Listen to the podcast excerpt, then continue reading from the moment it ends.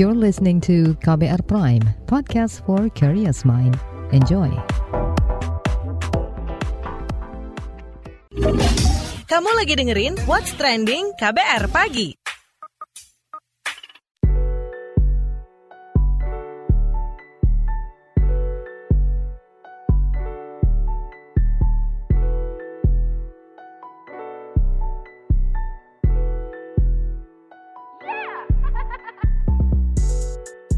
KBR Pagi, siaran pagi radio paling update. Selamat pagi, apa kabar Anda hari ini di hari Kamis 1 September 2022. Kita sudah masuk bulan September nih, September ceria. Semoga hari-hari Anda selalu ceria, sehat ya. Dan seperti biasa, saya Don Brady menjadi teman pagi hari Anda semuanya di What's Trending KBR Pagi pastinya. Jadi di Badan Pusat Statistik atau BPS memperingatkan kemungkinan naiknya angka inflasi dan kemiskinan jika pemerintah ingin menaikkan harga bahan bakar minyak subsidi. Sinyal menaikkan BBM bersubsidi terlihat makin kuat dengan digulirkannya bantalan sosial senilai total 24 triliun rupiah untuk pengalihan subsidi BBM. Meski pemerintah belum memutuskan soal kenaikan harga BBM ini, masyarakat khususnya netizen plus 62 sudah heboh dengan wacana ini. Mereka mempertanyakan soal kemungkinan harga kebutuhan pokok yang terus meningkat, kemungkinan pemutusan hubungan kerja massal, hingga kemiskinan. Selain itu penimbunan juga terjadi nih. Direktorat Samapta Polda Kalimantan Tengah bahkan berhasil mengamankan puluhan jerigen berisikan BBM subsidi jenis Pertalite.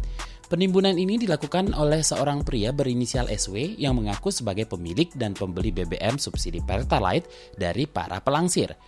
Dari sebuah barak di kawasan tersebut, petugas menemukan 21 jerigen yang sudah berisikan BBM jenis Pertalite dengan total hampir 700 liter. Sementara itu, untuk mengantisipasi tindak penimbunan dan panik buying, pihak kepolisian di beberapa daerah seperti Sulawesi Selatan dan Pademangan melakukan langkah antisipatif.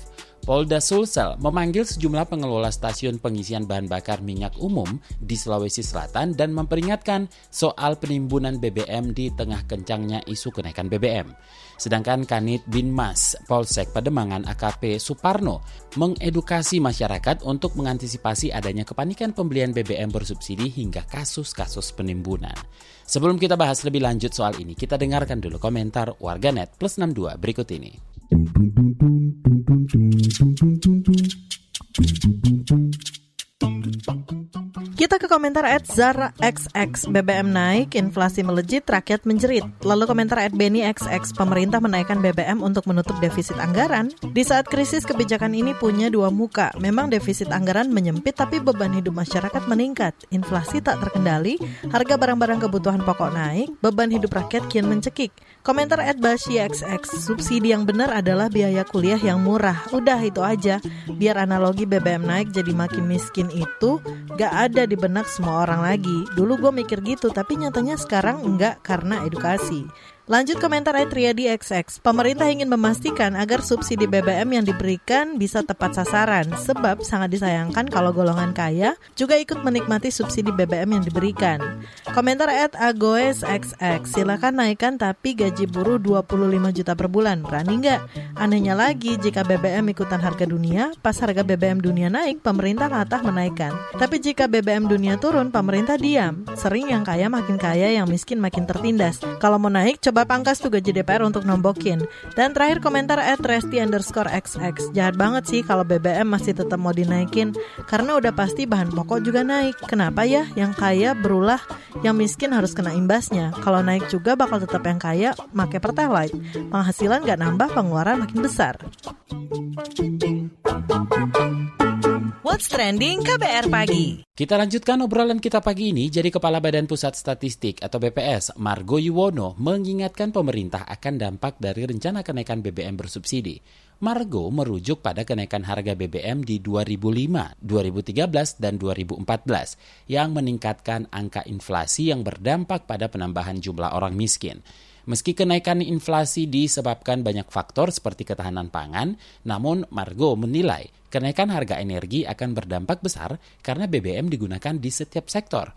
Berikut keterangan selengkapnya saat rapat koordinasi pengendalian inflasi daerah 30 Agustus 2022. Kenapa kita penting menjaga inflasi? Ini kita punya pengalaman kemarin ya di tahun-tahun sebelumnya. Misalkan pada waktu lalu tahun 2005 pemerintah melakukan kenaikan harga BBM, di mana bensin itu dulu kebijakannya naik 32,6 persen, kemudian solar 27,3 persen di Maret, dan di Oktobernya bensin naik lagi 87,5 persen, dan solar naiknya 104,8 persen. Akibat kenaikan BBM itu, karena BBM digunakan untuk konsumsi seluruh hampir seluruh sektor, maka inflasi kita itu di 17,11 persen gitu ya. Jadi pentingnya mengendalikan harga energi menjadi catatan berikutnya supaya tidak memberikan impact kepada inflasi. Demikian juga misalkan di tahun 2013-2014 juga pemerintah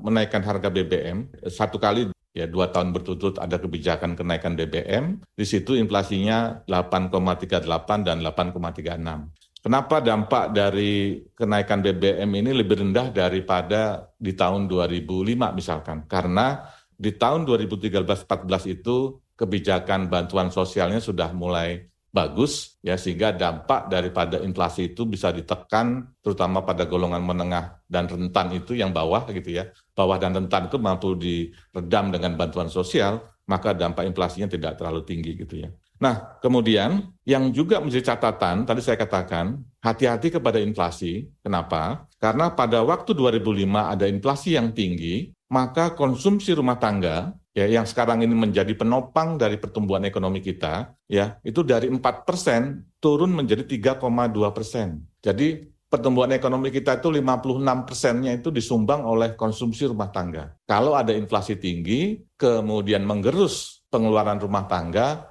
maka dampak besarnya adalah ke pertumbuhan ekonomi. Pelajarannya tahun 2005, begitu inflasi tinggi, konsumsi rumah tangganya 4 persen, itu tinggal 3,2 persen. Demikian juga di tahun 2013-14, konsumsi rumah tangga itu turun, dan ini perlu mendapatkan perhatian kita semua. Jangan sampai inflasi kita tinggi di masing-masing daerah yang akan mengerus daya beli masyarakat, dan nanti ekonominya akan turun cukup signifikan karena pengaruhnya kepada konsumsi pemerintah gitu ya. Yang terakhir dari saya adalah kepada kemiskinan. Inflasi misalkan kalau BBM naik kemudian pengaruh ke inflasinya tinggi, maka itu kepada kemiskinan. Di sana terlihat dulu ya begitu ada kenaikan cukup tinggi di BBM, inflasinya tinggi 17 persen, itu kemiskinannya langsung naik menjadi 17,75 persen. Jadi kita sudah cukup bagus ya menjaga pertumbuhan ekonomi, menurunkan kemiskinan di bawah uh, satu digit gitu ya. Tapi jangan sampai kita semua lengah, tidak bisa mengendalikan harga di masing-masing daerah, itu bisa berdampak kepada hal yang lebih besar adalah masalah tingginya angka kemiskinan yang perlu diwaspadai. Dan ini akan berdampak luas secara sosial gitu ya. Kenaikan harga BBM diperkirakan akan sangat membebani masyarakat kalangan bawah, terutama pekerja di sektor informal. Direktur Eksekutif Center of Reform on Economics Core Indonesia, Muhammad Faisal, menjelaskan pandangannya kepada KBR soal ini. Sebetulnya kenaikan harga BBM itu mengena pada semua, baik itu kalangan menengah, atas, dan juga bawah. Eh, dan tapi yang paling menderita atau yang paling besar bebannya itu adalah kalangan bawah karena konsumsi BBM dan juga konsumsi makanan terhadap total konsumsi dari kalangan bawah itu lebih tinggi persentasenya dibandingkan kalangan menengah dan atas. Jadi sehingga ketika ada kenaikan BBM yang juga berimbas kepada kenaikan harga pangan ya dan juga barang-barang yang lain sebetulnya. Nah ini yang paling menderita sebetulnya kalangan bawah. Jadi kalau ditanya sebetulnya sektor apa saja, saya bilang semua sektor. Tapi yang duluan kena biasanya adalah yang langsung berkaitan sama transportasi karena transportasi langsung membutuhkan BBM, langsung menambah biaya produksinya. Nah, sehingga semua pekerja formal dan juga informal yang be, yang bekerja di sektor transportasi ini akan terkena secara langsung begitu harga BBM itu dinaikkan, ya. Lalu setelah itu efek berikutnya setelah transportasi adalah ke sektor-sektor yang lain. Semuanya akan kena. Nah, Direktur Eksekutif Center of Reform on Economics Core Indonesia, Muhammad Faisal, menambahkan efek domino yang dirasakan pekerja sektor informal jika harga BBM subsidi naik. Berikut penuturannya. Ya, yang pertama, uh, yang pertama adalah yang mengenai pada langsung biaya untuk transportasi, ya untuk mereka karena dalam usaha tentu saja mereka kan perlu mobilitas, jadi menggunakan BBM yang selama ini pakai BBM bersubsidi, entah itu solar ataupun Pertalite. jadi ongkos transportasinya itu akan meningkat. Nah, itu kan berarti menambah biaya produksi. Lalu yang kedua, kenaikan BBM itu biasanya akan diikuti oleh kenaikan harga barang-barang yang lain dan terutama adalah yang lebih krusial adalah biasanya bahan pangan dan juga makanan jadi dan lain-lain. Nah, eh, artinya para pekerja informal yang mungkin banyak apa yang bekerja di bisnis makanan minuman itu jelas akan berarti ongkos bahan baku ya untuk mereka berproduksi itu juga meningkat bukan hanya dari biaya transportasi saja berarti, tapi juga bahan bakunya itu ikut meningkat juga. Artinya kalau begitu margin mereka tipis kecuali hmm. mereka harus memang menaikkan harga daripada produk yang mereka jual. Nah, tapi untuk menaikkan harga produk jual itu juga tidak mudah dalam kondisi di mana inflasi sedang meningkat karena pada saat yang sama konsumen itu juga pasti dari sisi daya belinya juga semakin mengalami penurunan secara real. Jadi artinya akan lebih kompetitif juga konsumennya untuk membeli barang-barang kebutuhan bahkan untuk kebutuhan basic needs sekalipun seperti makanan. Jadi artinya efeknya bagi para pelaku usaha, terutama juga di sektor informal adalah semakin tertekannya dari sisi kinerja keuangan mereka, profit pendapatan mereka, dan juga keuntungan yang mereka bisa peroleh. Gitu. What's Trending KBR Pagi Pengadilan Arab Saudi menjatuhkan hukuman 45 tahun penjara kepada seorang wanita karena unggahan konten di media sosial. Wanita bernama Naura binti Syahid Al-Kahtani dianggap merusak tatanan di media sosial dan melanggar ketertiban umum. Organisasi pemantau hak asasi manusia HAM yang berbasis di Washington, Daun mengungkap tidak banyak orang yang mengetahui soal konten yang disebarkan oleh Naura dan pihaknya masih menyelidiki konten tersebut. Daun mengatakan kasus Naura mirip dengan kasus Lama Al-Shihab yang dihukum 35 tahun penjara setelah meretweet dan mengikuti akun Twitter dari aktivis yang mengkritik pemerintah. Kasus ini pun menimbulkan keprihatinan besar akan kebebasan berpendapat di Arab Saudi. Badan Kesehatan Dunia WHO menyatakan penularan cacar monyet dari manusia ke manusia di Eropa bisa dieliminasi. Kabar gembira itu disampaikan Direktur Regional WHO untuk Eropa, Hans Kluth, yang menyebut saat ini jumlah kasus melambat dan menurun di beberapa negara di Amerika dan Eropa. Sebelumnya WHO menyatakan wabah cacar monyet sebagai darurat kesehatan global. Sebanyak lebih dari 47.000 kasus cacar monyet dilaporkan di 90 negara di dunia. Sementara di Indonesia sendiri baru ditemukan satu kasus positif cacar monyet. Instagram Shift Adam Moseri membantah ramainya isu media sosial Instagram membagikan lokasi pengguna ke pengguna lain. Adam menegaskan pihaknya tidak pernah memberi atau membagikan lokasi pengguna ke orang lain. Sebelumnya ramai di dunia maya soal kabar pembaruan iOS yang mengizinkan lokasi seseorang diketahui melalui Instagram. Akibatnya banyak pengguna yang mematikan izin lokasi untuk penggunaan media sosial Instagram. Bos Instagram tersebut menjelaskan sistem lokasi di aplikasinya hanya sebagai penguat fitur tag lokasi dan tidak membagikan informasi lokasi pengguna ke pengguna lainnya. What's Trending KBR Pagi. Heboh wacana kenaikan BBM, peringatan kemiskinan hingga antisipasi panik buying, itu yang kita obrolin pagi ini. Nah, Direktur Center of Economics and Law Studies, Bima Yudhistira, mengatakan saat ini ada fenomena panik buying di masyarakat karena ketakutan akan rencana kenaikan harga BBM. Selain panik buying, Bima juga melihat adanya penimbunan oleh oknum-oknum yang mencari keuntungan di tengah rencana kenaikan. Menurutnya penting adanya pengawasan terhadap distribusi BBM bersubsidi. Berikut penuturannya kepada KBR. Pengumuman pemerintah ini kan dari kemarin naik turun ya, artinya nggak ada kepastian. Itu semakin lama tidak ada kepastian, bahkan ada inisiasi sebagian untuk menaikkan segera harga BBM, Akibatnya terjadi panik buying di SPBU di mana masyarakat sebelum dan harga BBM mereka secara penuh tangki bahan bakarnya bahkan ke di luar dari kebutuhan uh, volume harian mereka. Artinya ada konsumsi yang berlebih. Yang kedua, ini khawatir dimanfaatkan juga oleh para spekulan. Dia beli sebelum harga BBM. Mungkin nanti ketika harga BBM naik, barang yang ditimbun atau BBM yang ditimbun itu kemudian dikeluarkan dari stok. Ya, mereka mendapatkan margin. Jadi dalam kondisi seperti ini, memang yang paling uh, perlu dilakukan adalah satu ada kejelasan, naik tidak, jangan terlalu banyak menteri yang uh, bicara uh, tidak sinkron gitu. Kemudian pengawasan, kita minta tolong kepada kepolisian, kepada aparat keamanan untuk melakukan pencegahan apabila ada indikasi terjadinya penimbunan pada oknum-oknum yang memanfaatkan situasi untuk mendapatkan margin yang besar. Ya, yang pertama justru membuat yang berhak mendapatkan BBM subsidi ini justru tidak kebagian jatah karena bisa menimbulkan kelangkaan di banyak SPBU. Antrian yang panjang ya, berarti ada ada apa ya, ada waktu yang terbuang di situ dan juga yang betul kita akan membutuhkan solar, pelaku UMKM, ini akhirnya susah justru mendapatkan yang merupakan haknya. Dan akhirnya ini semua akan diteruskan kepada biaya-biaya konsumen yang jauh lebih mahal. Nah, sejalan dengan BPS, pengamat kebijakan publik Trubus Rahadiansyah menilai kenaikan harga BBM bersubsidi akan meningkatkan angka kemiskinan. Tapi Trubus juga memperingatkan soal kemungkinan pemutusan hubungan kerja atau PHK besar-besaran terjadi setelah BBM dinaikkan.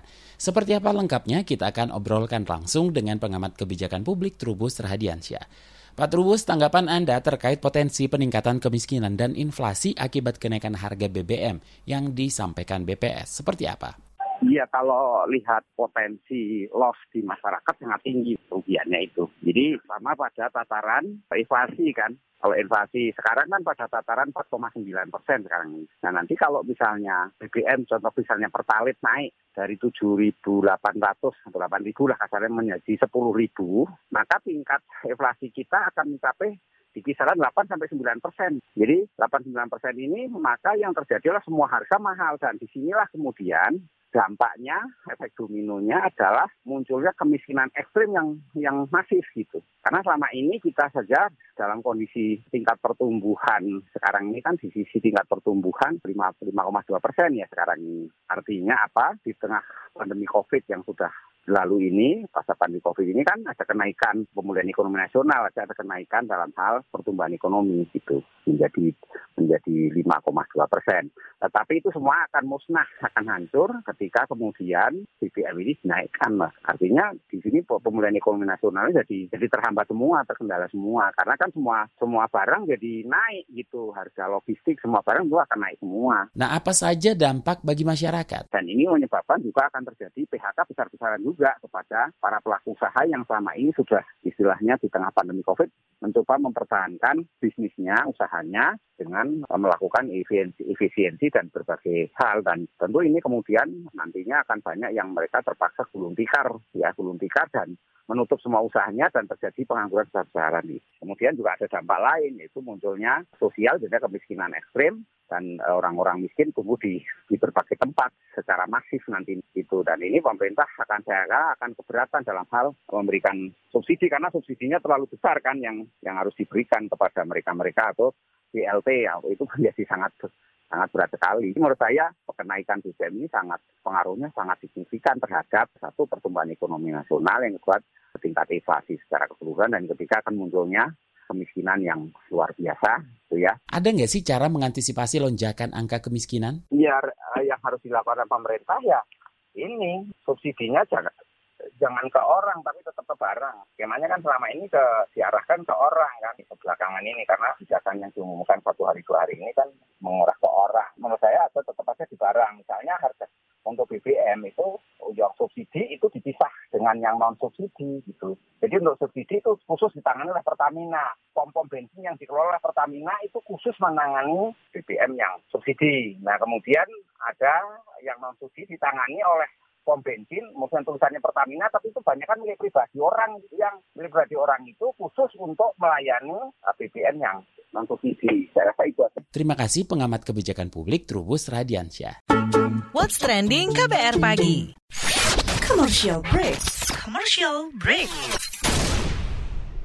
Sepasang kekasih yang terpaut usia hingga 61 tahun di Subang. Ini bukan hal baru angka pernikahan dini juga Kawin anak terus terjadi, sering kali menjadi viral, bahkan jadi bahan guyonan dalam kemasan berita yang sensasional. Seorang gadis berusia 18 tahun. Seolah ini bukan masalah.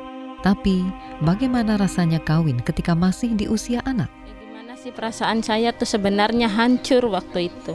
Hancur bisa naik sekolah Ya, pengen banget sekolah, lihat orang. Saya ajak kamu mendengar langsung suara mereka yang dikawinkan di usia anak.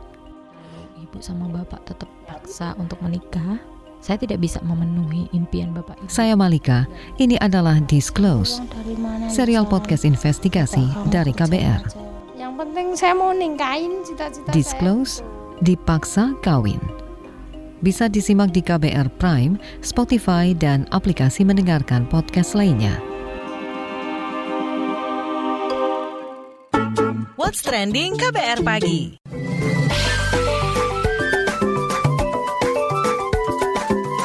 WhatsApp Indonesia WhatsApp Indonesia dimulai dari Bekasi, Jawa Barat. Menyoal kecelakaan truk yang terjadi kemarin di depan sebuah sekolah dasar di mana 11 orang meninggal, di antaranya murid SD. Sementara belasan orang lainnya luka-luka dan dirawat di RS Ananda Bekasi. Dirlantas Polda Metro Jaya, Kombes Latif Usman mengungkap bahwa truk trailer tersebut mengangkut besi dari arah Keranji menuju Cakung. Supir truk itu telah diamankan oleh pihak kepolisian. Polisi juga telah melakukan olah tempat kejadian perkara TKP kecelakaan maut itu dan menemukan bekas rem di lokasi kecelakaan. Kemarin terjadi kecelakaan maut di Jalan Sultan Agung Kota Bekasi sekitar pukul 10 pagi. Sebuah truk kontainer menabrak halte dan tiang telekomunikasi hingga roboh sehingga menimpa banyak orang di sekitar SD Negeri Kota Baru 2 dan 3.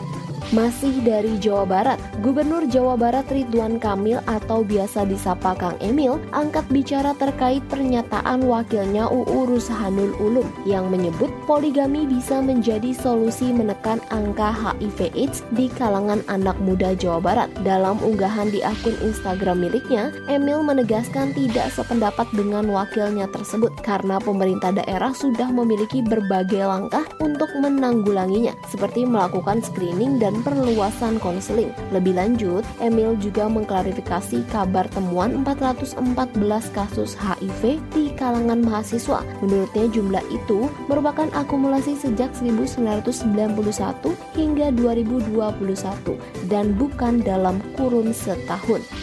Terakhir, mampir Nusa Tenggara Timur. Kementerian Pemberdayaan Perempuan dan Perlindungan Anak Kemen PPPA mengecam kasus kekerasan dalam rumah tangga KDRT yang mengakibatkan kematian korban ASH di Larantuka, Nusa Tenggara Timur. Deputi Bidang Perlindungan Hak Perempuan Kemen PPPA, Ratna Susianawati mengatakan ASH meninggal karena KDRT yang dilakukan pelaku KRK yang merupakan suami korban. Menurut Ratna, pihaknya mendorong mendorong menegakkan sanksi pidana terhadap pelaku. Pelaku dapat dijerat Undang-Undang Nomor 23 Tahun 2004 tentang penghapusan kekerasan dalam rumah tangga, Undang-Undang PKDRT, dengan hukuman pidana penjara paling lama 15 tahun atau denda paling banyak 45 juta rupiah. Melihat banyaknya kasus KDRT yang terjadi di Indonesia, Ratna menekankan pentingnya peningkatan peran keluarga untuk memutus mata rantai KDRT. Menurutnya, pemahaman pemahaman akan peran dalam keluarga perlu diberikan kepada pasangan sebelum menikah. Selain itu, pelibatan masyarakat mulai dari hulu hingga hilir merupakan langkah strategis untuk mencegah KDRT dan kekerasan lainnya karena kekerasan terhadap perempuan merupakan pelanggaran terhadap hak asasi manusia. KDRT bukan lagi urusan privat tapi sudah menjadi urusan negara saat Undang-Undang PKDRT dituangkan dalam lembar negara pada 22 September Desember 2004. Demikian WhatsApp Indonesia hari ini. Demikian KBR pagi hari ini. Jika Anda tertinggal siaran ini, Anda kembali bisa menyimaknya di podcast What's Trending yang ada di Spotify, kbrprime.id, dan di aplikasi mendengarkan podcast lainnya. Dan Brady undur diri, besok kita ketemu lagi. Stay safe. Bye-bye. Terima kasih ya sudah dengerin What's Trending KBR Pagi. KBR Prime, cara asik mendengar berita. KBR Prime, podcast for curious mind.